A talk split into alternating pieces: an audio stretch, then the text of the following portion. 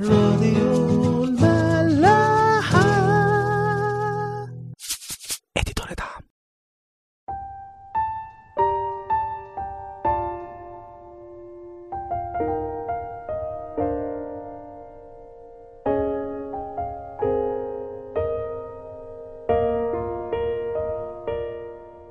مساء الخير.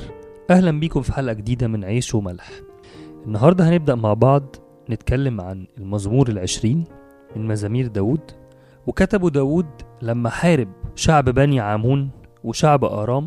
الشعبين دول خرجوا على شعب إسرائيل اللي كان القائد بتاعه داود خرجوا على الجيش بتاع الشعب برجالة كتير قوي عدد كبير جدا وسلاح ضخم جدا وكان أقوى بكتير من العدد والسلاح اللي كان عند شعب إسرائيل بقيادة داود لكن ربنا نصر شعب إسرائيل وانتصر داود في الحرب دي. علشان كده كتب كلمات المزمور ده. هقرأ معاكم كلمات المزمور. بيقول لإمام المغنيين مزمور لداود ليستجب لك الرب في يوم الضيق ليرفعك اسم إله يعقوب ليرسل لك عونا من قدسه ومن صهيون ليعضدك ليذكر كل تقدماتك ويستثمن محرقاتك ليعطيك حسب قلبك ويتمم كل رأيك. نترنم بخلاصك وباسم إلهنا نرفع رايتنا ليكمل الرب كل سؤلك. الآن عرفت أن الرب مخلص مسيحه يستجيبه من سماء قدسه بجبروت خلاص يمينه. هؤلاء بالمركبات وهؤلاء بالخيل. أما نحن فاسم الرب إلهنا نذكر. هم جثوا وسقطوا. أما نحن فقمنا وانتصبنا. يا رب خلص ليستجب لنا الملك في يوم دعائنا. حكاية المزمور ده موجودة في سفر صمويل الثاني الإصحاح عشرة. باختصار الشعبين دول اللي هم شعب بني عمون وآرام حاولوا إن هم يحاربوا شعب إسرائيل علشان حسوا إن داود عايز ياخد منهم الممالك بتاعتهم والبلاد بتاعتهم. وخرجوا على شعب إسرائيل بعدد كبير جدا من الرجال وسلاح قوي جدا لكن ربنا كسر الشعبين دول قدام شعب إسرائيل وقدام داود وهزمهم بالرغم من إن هم كانوا الأضعف الأقل عدد والأضعف سلاحا يعني. علشان كده داود بيقول في المزمور ليرفعك اسم إله يعقوب وليستجب لك الرب في يوم الضيق ليرسل لك عونا من قدسه من صهيون يعضدك. هو هنا بيعترف إن هو كسب الحرب دي باسم الرب بنعمة ربنا مش بأي حاجة تاني مش بالمنطق مش بالعدد مش بالقوة لكن باسم الرب. المزمور ده كمان قالوا عنه كل المفسرين إنه نبوة واضحة جدا عن المسيح اللي اتألم واتصلب علشان خلاص كل البشر.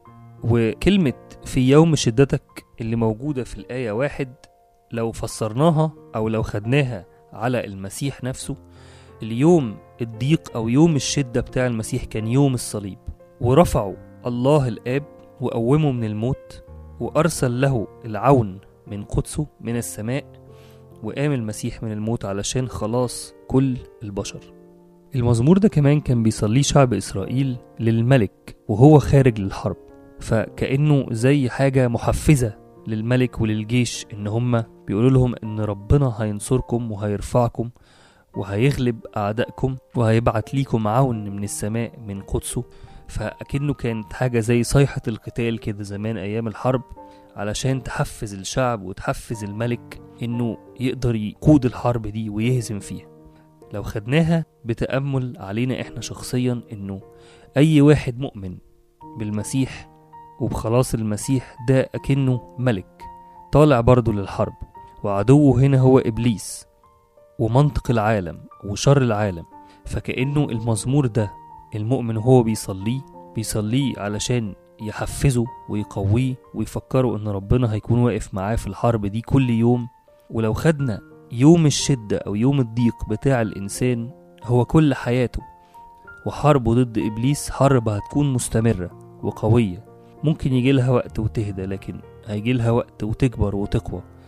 فالمزمور ده عايز يدي كل واحد فينا وكل واحد مؤمن بالمسيح دفعة قوية وتشجيع ليه في الحرب إنه هينال النصرة والخلاص بقوة المسيح وبنعمة المسيح وباسم إله يعقوب. بيقول في الآية الأولى داود ليستجب لك الرب في يوم الضيق ليرفعك اسم إله يعقوب. إحنا اتكلمنا إيه هو يوم الضيق لكن عايزين نتكلم شوية عن ليرفعك اسم إله يعقوب. كنا اتكلمنا في حلقات قبل كده عن إن اسم الله هو دلالة على قوته وشخصيته القوية. فإن هو يقول ليرفعك اسم إله يعقوب هو عايز يقول أنت كمؤمن في حربك هتغلب بقوة الله باسم الله اللي هو قوته وقوته هي اللي هتكون معاك وهتغلب بيها. ليه جاب سيرة يعقوب هنا في الآية دي؟ كلنا عارفين طبعا إن يعقوب رمز إن هو صارع مع الله رمز الصراع. والصراع هنا رمزه في المزمور لكل مؤمن بيجاهد في جهاده الروحي. في حياته الروحية في صراعه مع إبليس ومع الخطية ومع الأفكار الشريرة. فهنا إن هو يجيب سيرة يعقوب هو عايز يقول إنه قوة الله هتكون هي هتغلب لكل واحد أمين بيجاهد في حياته الروحية مش لكل واحد متراخي ولكل واحد قاعد ما بيعملش أي حاجة ومستني حاجة جديدة تحصل له أو مستني إن هو يتغير ويتقدم. لكن اسم ربنا وقوة ربنا هتكون هي الغلبة والنصرة لكل واحد مصارع أو كل واحد يعقوب. إدي دنيا ضخم بيكمل بعد كده ويقول يرسل لك عونا من قدسه ومن صهيون يعضدك. قدسه هنا رمز للسماء رمز للمكان اللي ساكن فيه الله وبيسمع طلبات كل واحد بيصرخ له. فبيقول يرسل لك عونا من قدسه يعني انت لو رفعت كل طلباتك وكل صلواتك للسماء هيجيلك العون وهيجيلك الخلاص. من فين؟ من صهيون. صهيون هنا رمز لكنيسة السماء الكنيسة السماوية اللي بقت موجودة بعد ما المسيح قام من الأموات وهو العريس بتاع الكنيسة دي. علشان كده الآية دي عايزة تقول لنا إنه أما تصلي وأما تطلب وأنت في الحرب العون هيجيلك والسند هيجيلك من السماء. هيجيلك بخلاص المسيح هيجيلك بقيامة المسيح.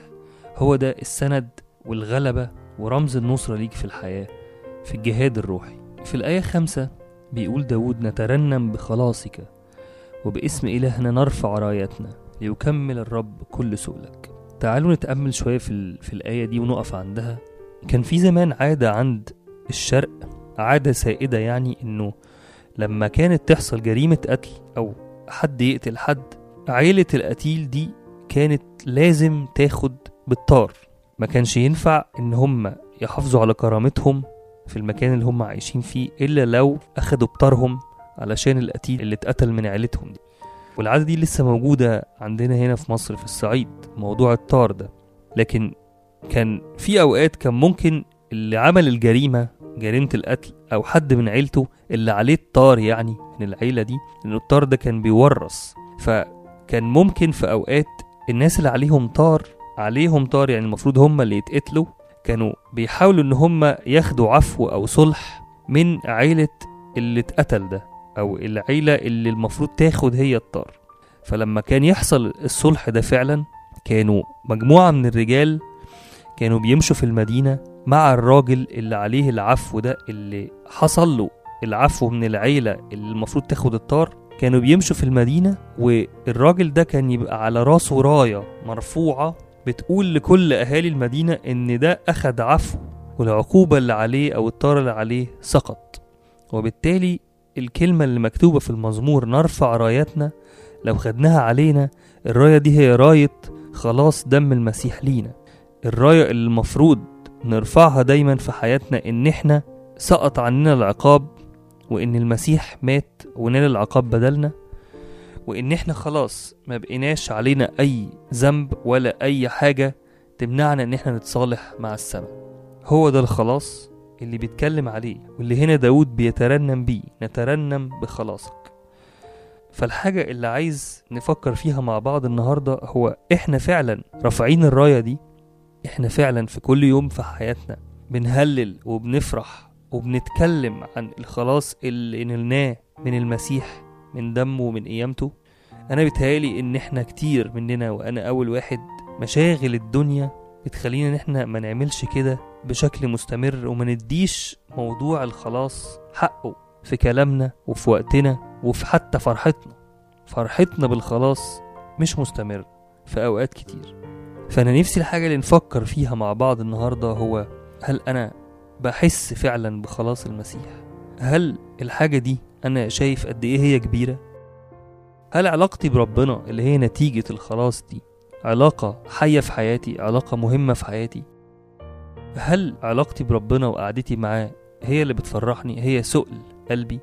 عايز أقول لكم إن إحنا نرفع راية الخلاص بالمسيح نرفع اسم المسيح في كلامنا وفي تصرفاتنا وفي حياتنا اليومية يمكن هي الحاجة اللي ربنا خلقنا علشانها علشان نمجد اسمه علشان نعلن عن قد إيه هو حبنا وخلصنا وسفك دمه علشان يدينا الحياة الأبدية. فأنا نفسي وبصلي ليا ولكل واحد هيسمع الحلقة دي إنه يرفع راية الخلاص إن إحنا نرفع رايتنا نترنم بخلاص المسيح وإن كل واحد فينا يطلب من ربنا لو الموضوع ده مش واخد حجمه في حياته إنه يفتح عينيه ويفتح قلبه قد إيه الخلاص ده هو الحياة وهو اللي ادانا الحياة وقد إيه إحنا مطلوب مننا إن إحنا في كل كلامنا وتصرفاتنا وتعاملاتنا مع أي حد من قبله إن إحنا نكون رافعين الراية دي اللي هي راية الخلاص. الترنيمة اللي نسمعها مع بعض النهاردة بيقول كلامها مخلصي محرري أنت صانعي وعارف ما في.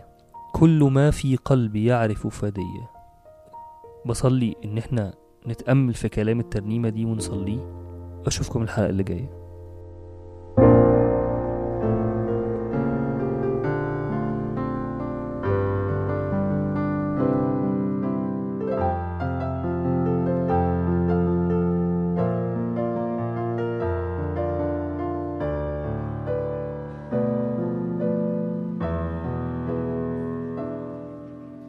مخلصي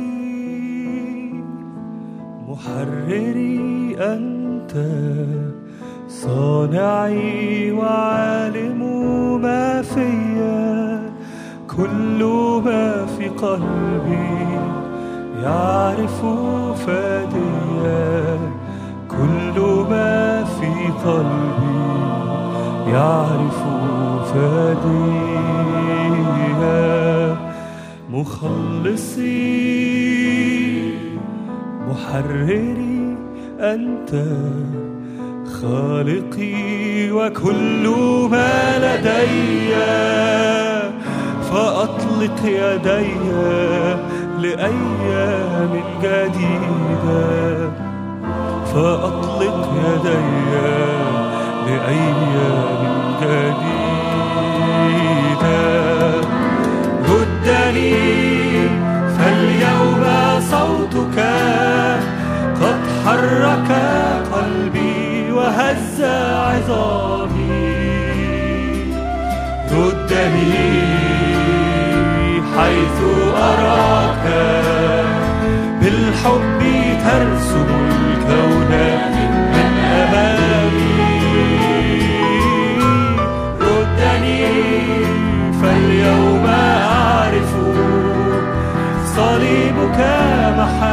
من نفسي ألامي ردني فلا سواك قلبي ثروتي وسلامي. مخلصي محرري أنت خالقي وكل ما لدي. فأطلق يدي لأيام جديدة. فأطلق يدي لأيام جديدة. مخلصي